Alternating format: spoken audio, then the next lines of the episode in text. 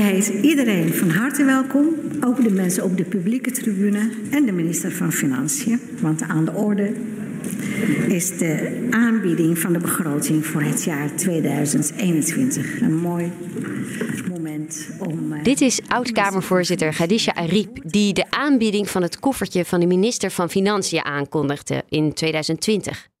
Het is het hoogtepunt van iedere Prinsjesdag.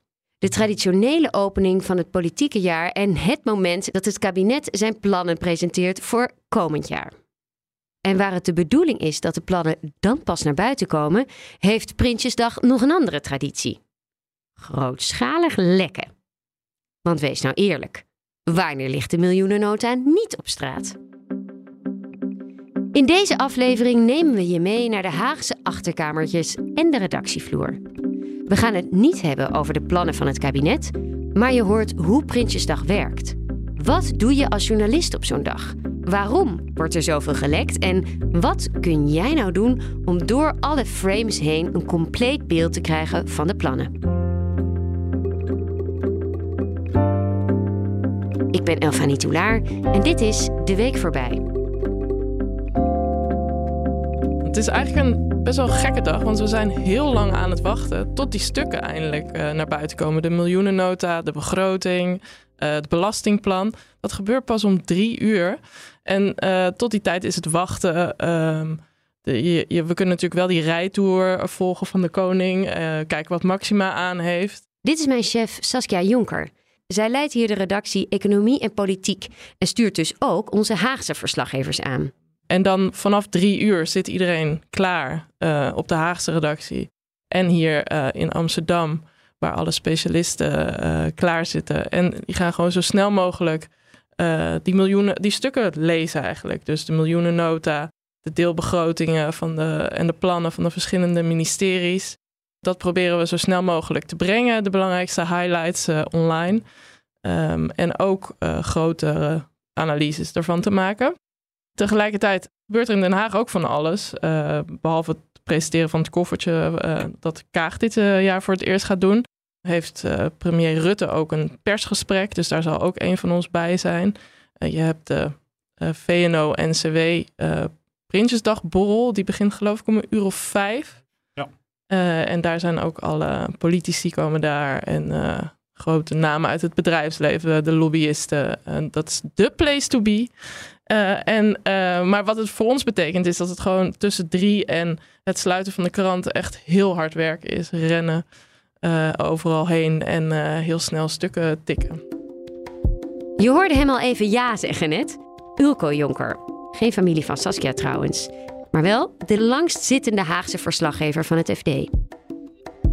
In zijn lange loopbaan heeft hij al flink wat Prinsjesdagen meegemaakt en gezien hoe deze dag door de jaren heen veranderde. Hij weet nog goed hoe het was in de tijd voor internet, toen alles niet meteen online hoefde te staan. In het verleden uh, werden die stukken onder embargo uh, ter beschikking gesteld. En dan haalden we ze allemaal op bij de Rijksvoorlichtingsdienst op vrijdag. En dat waren twee grote dozen vol met, met stukken. Echt duizenden pagina's. En nu word je geacht omdat binnen 5, 10 minuten, 15 minuten. Want Saskia zegt: Kom op, kom op, we willen snel uh, de, de headlines hebben. We willen snel het nieuws. Wat zijn de belangrijkste dingen? En dan, uh, ja, dan moet je dus dan moet je alvast iets melden. Zonder dat je eigenlijk al helemaal overtuigd bent van: is dit nou het belangrijkste wat erin staat? En dat vind ik ook wel een van de frustraties van Prinsjesdag. Dat je eigenlijk niet goed je werk kunt doen. Hoe doe je dat dan eigenlijk? Wat, wat lever je dan? Is dat nou, wat er levert, in de eerste kijk, alinea staat? Kijk, laten we eerlijk zijn. We weten natuurlijk allemaal de grote lijnen. Uh, die hebben we al. Daar is uh, heel selectief over gelekt. Dat weten we ook. Uh, daar komen we misschien straks nog over te spreken.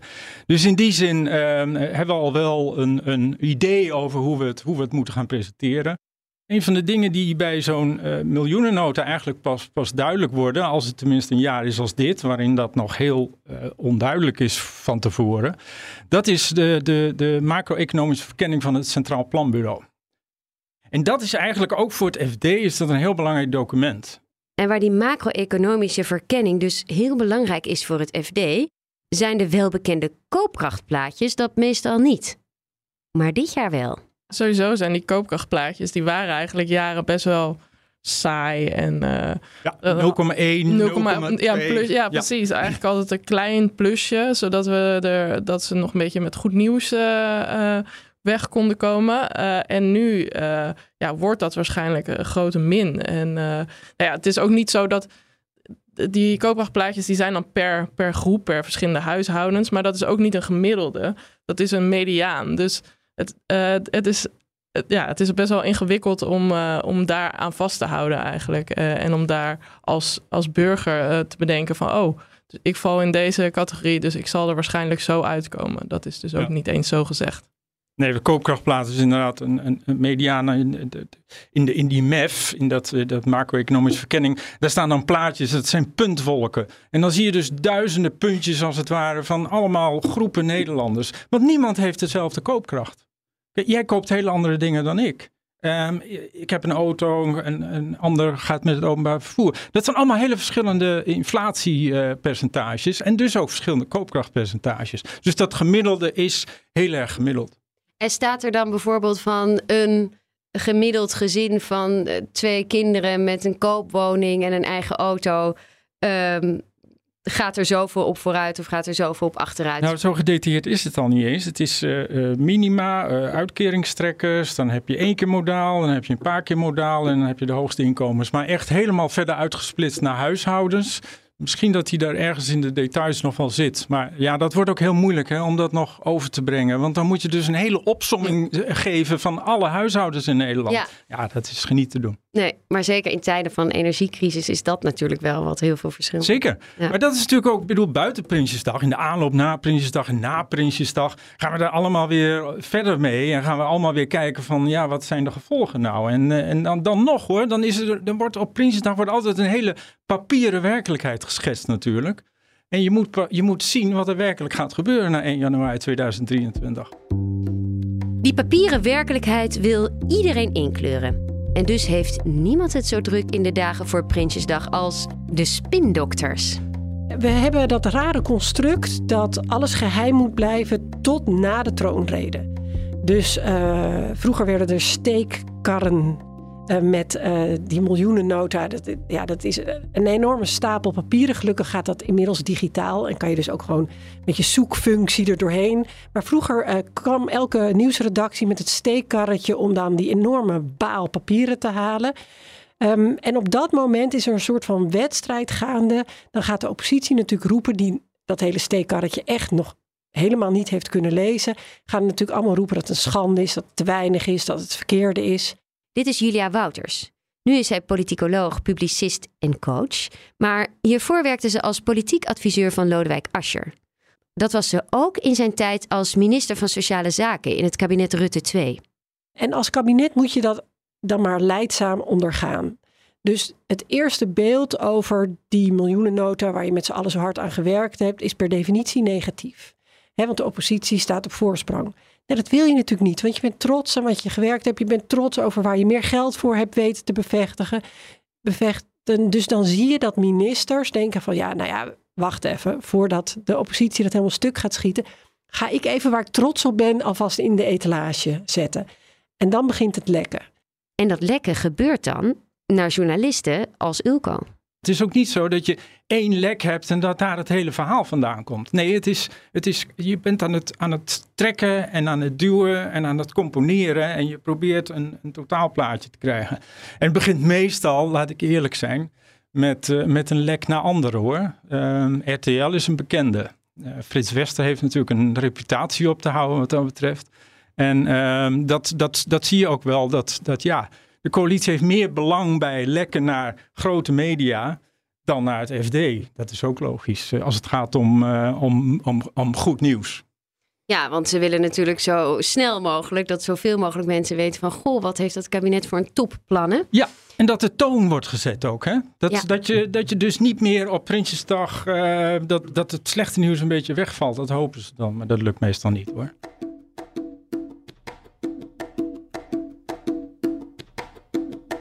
Hoe zouden journalisten hiermee om moeten gaan? Gaan die hier op de goede manier mee om? Ja, ik vind zelf van niet. Want kijk, uiteindelijk, hè, ik heb aan alle kanten gestaan, maar uiteindelijk ben ik elke dag gewoon een, een burger van dit land. Ehm, en dat vind ik toch, dat, dat is het belang wat voorop moet staan. Hè? Dus je hebt politici en journalisten, die houden elkaar in een soort van wurggreep. Uh, maar bedienen we met z'n allen op die manier ook het volk goed? En nou ja, er zijn al die onderzoeken dat het vertrouwen in de politiek uh, ja, maand na maand afneemt. En ik denk dat uh, journalisten daar ook een rol in hebben. Dus dat, dat zo graag de ontvangende partij van het lek willen zijn. Um, brengt, heeft ook wel echt een groot nadeel in. Want er is dus, zoals ik uh, al benadrukte, er is een groot belang altijd bij. Wie lekt er wanneer en waarom? En dat houden journalisten altijd voor zich. Omdat ze, ja, als ze zeggen van, nou, dit heeft de VVD gelekt, want die willen natuurlijk dit en dit. dan zijn ze bang dat ze de volgende keer uh, dat er een andere journalist dan het krijgt. En in die concurrentie van wij hadden het het eerste, willen ze dat risico niet lopen. Maar ik denk dat de journalistiek zich er ook bewust van moet zijn dat ze worden voor karretjes, politieke karretjes gespannen. En is dat in hun belang en is dat in het belang van ja, gewoon het volk van Nederland? Ik denk het niet. We spraken dus Julia Wouters en zij zegt eigenlijk, er wordt dus gelekt naar journalisten, maar die laten zich wel een beetje uh, piepelen, want die worden voor het karretje gespannen. Voel je dat ook zo? Ja, ik voel dat wel eens. En ik heb ook wel eens dat ik denk van nou, dit moeten we niet doen. Uh, want nu, nu zijn we gewoon bezig met een heel eenzijdig verhaal uh, te brengen. En tegelijkertijd, ja, die druk is, is, ik loop nou al wat langer mee, de druk is enorm toegenomen in Den Haag als het gaat om het scoopen van, van anderen. Er is uh, het, dus, het, het als eerste iets brengen. En dat is, dat is denk ik wel die red race die je ook in de, in de politieke verslaggeving ziet. Die gaat ten koste van ja, het evenwichtige beeld van de nuance. En van, dus je krijgt heel snel de dingen worden uitvergroot. En dat je er bijna niet aan ontkomt om daar toch in mee te gaan. En ik denk dat wij het voordeel hebben als FD, en ook bij, bij, bij een groot deel van onze lezers in ieder geval, dat die echt niet zitten te wachten op het laatste, laatste hete nieuwtje over uh, of het. Of uh, hoe, hoe, hoe, hoe het met een bepaalde politicus gaat of wat dan ook. Maar dat ze ook het liefst de feiten willen en het liefst in hun context. En wat dat betreft, ja, denk ik dat we nog wel meerwaarde bieden. zeker in, de, in de aanloop naar, maar ook in de, in de nasleep van Prinsjesdag. Saskia, ben je het daarmee eens? Want jij kunt natuurlijk ook denken als chef van de redactie Economie en Politiek ja, hallo, een scoop op de voorpagina het verkoopt natuurlijk wel veel kranten. Ja, dat is zeker waar. Het is echt een uh, ja, heel uh, lastig dilemma. Uh, aan de ene kant wil je inderdaad graag je, lezers nieuws brengen. Ehm, inderdaad waar voor hun geld. Aan de andere kant, ehm, ja, we weten dat we worden bespeeld. En daar moeten we ons heel erg bewust van zijn. Vorig jaar, het is tra traditioneel de vrijdag voor Prinsjesdag, wordt er heel veel gelekt. Want dan gaan er ook stukken naar de Kamerleden. Um, en afgelopen jaar was het ook zo dat een deel van de miljoenennota uitlekte. En wij hebben dat toen best wel klein gebracht. We, hebben het we zijn er dus wel in meegegaan, omdat we ook niet uh, onze lezers dat willen onthouden. Uh, maar we hebben wel gezegd van dit is niet het hele plaatje in dat verhaal. Uh, en we wachten de dinsdag verder af. Dus het is, we hebben het ja, we kiezen een beetje een tussenweg. En daarin zie je dat we in, ja, toch een beetje in een klem zitten daar. Niet alleen journalisten zitten in die klem. Dat geldt voor politici net zo goed. In een politieke wereld waar het beeld een belangrijke rol speelt, wil de coalitie graag laten zien dat ze het heel goed doen. En wil de oppositie juist laten horen dat het beleid van geen kant deugt. Uh, bovendien was het kabinet uh, Rutte-Ascher ook een kabinet wat heel erg bezig was met al die kabinetten die daarvoor waren, waar er ontzettend gespind en geframed werd. En de, het wederzijds vertrouwen zo laag werd dat. Ja, er was tien jaar lang kabinetten die nooit langer dan twee jaar hadden gezeten. Dus dit was een kabinet waarin Diederik Samson en Mark Rutte hadden gezegd: wij gaan het anders doen. Dus er wordt niet meer gelekt. Dus als er al van tevoren gelekt wordt, dan haalde Mark Rutte ook dat stuk gewoon van de ministerraadagenda. Ja, dan zeiden we, bespreken het eerst hier en dan is er pers, niet andersom. Dus dat was een, een, een, een vrij lekluwe uh, periode. Maar ja, dat is, was ook een periode waar er heel veel akkoorden gesloten moesten worden met de oppositie. En op een gegeven moment had het kabinet het wel gehad dat de oppositie dan altijd zei van kijk wat wij eens bereikt hadden. En da dat het kabinet er dan een beetje zo een beetje verbaasde schooljongetjes naast stonden. Ja. Dus toen op enig moment uh, heeft het kabinet ook wel gezorgd dat de plannen al bij de NOS lagen. En bij RTL Nieuws dat uh, zij het verhaal hadden en dat het niet de oppositie was die hun eigen uh, frame erop zijn. Dus... En hoe kwam dat tot stand dan? Op welk moment werd besloten van, nou ja, oké, okay, uh, we zijn een lek luw kabinet, maar nu is het mooi geweest en gaan we dit toch doen? Nou, als je zoveel klappen hebt opgevangen en uh, zo ook je populariteit in de peilingen ziet afgaan, dan, dan denk je, ja, dit werkt dus niet. Was dus... je daar als politiek adviseur blij mee?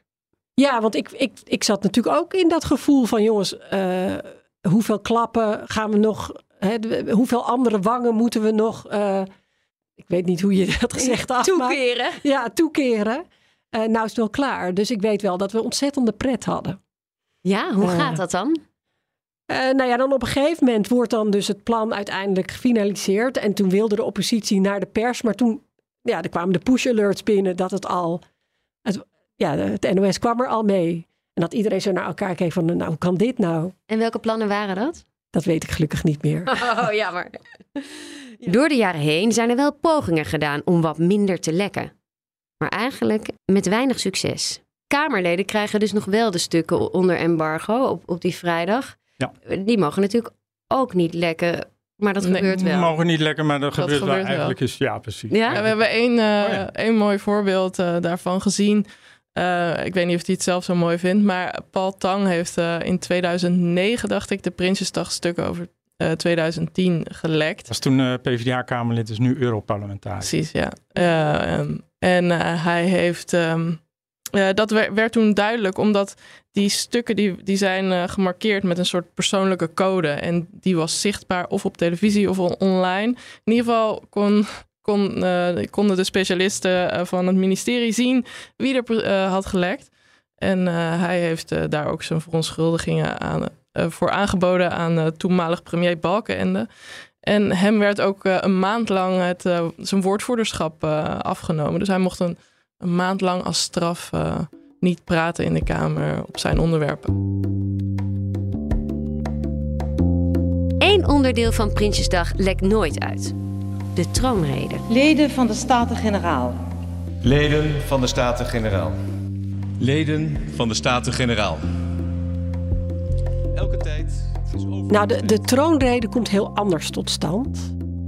Uh, de troonrede wordt in een heel klein gezelschap geschreven. Dus uh, mijn eigen ervaring, de, het eerste jaar dat uh, bij het kabinet Rutte-Ascher de troonrede was, was het zo'n klein gezelschap dat alleen maar de premier en de vicepremier de tekst met elkaar bespraken.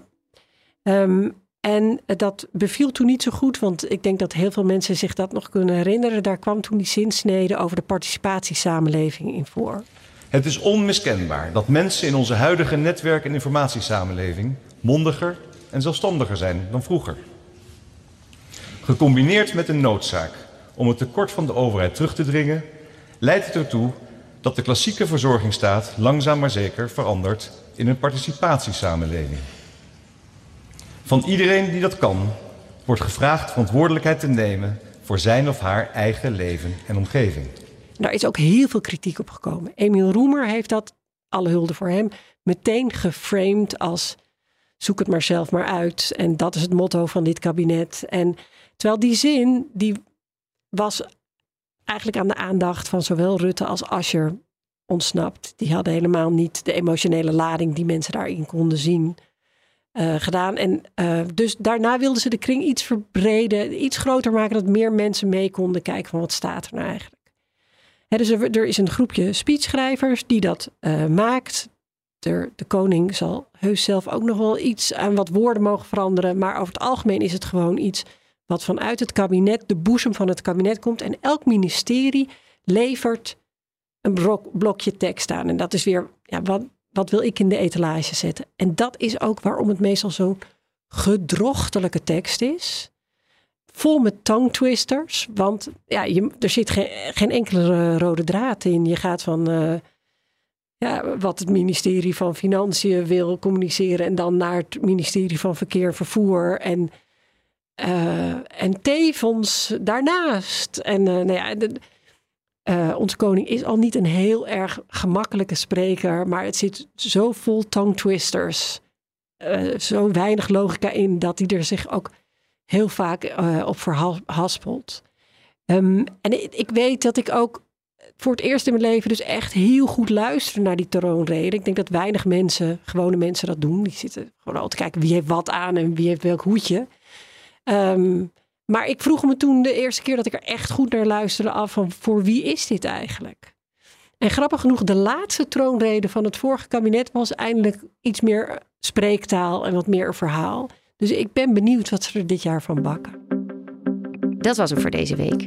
Dankjewel voor het luisteren allerlaatste nieuwtjes. En vanaf dinsdagmiddag iets na drieën dus ook de eerste analyses en duiding van de stroom aan Prinsjesdag-informatie vind je natuurlijk in het FD en op fd.nl. Voor volgende week werken we aan een aflevering over de naderende recessie. En daar hebben we jouw input voor nodig. Vragen over de economische staat van ons land en Europa kun je nog mailen naar podcast.fd.nl. Wij gaan op zoek naar antwoorden. Als je deze podcast leuk vindt, abonneer je dan vooral. Dat kun je doen door te zoeken op FD de Week voorbij, waar je dan ook podcast luistert. En delen met je vrienden. Dat helpt ons weer om beter gevonden te worden. De redactie van deze podcast is in de handen van Yildo Bijboer. En de muziek komt van Visionair Ordinaire. Een heel fijn weekend en tot volgende week.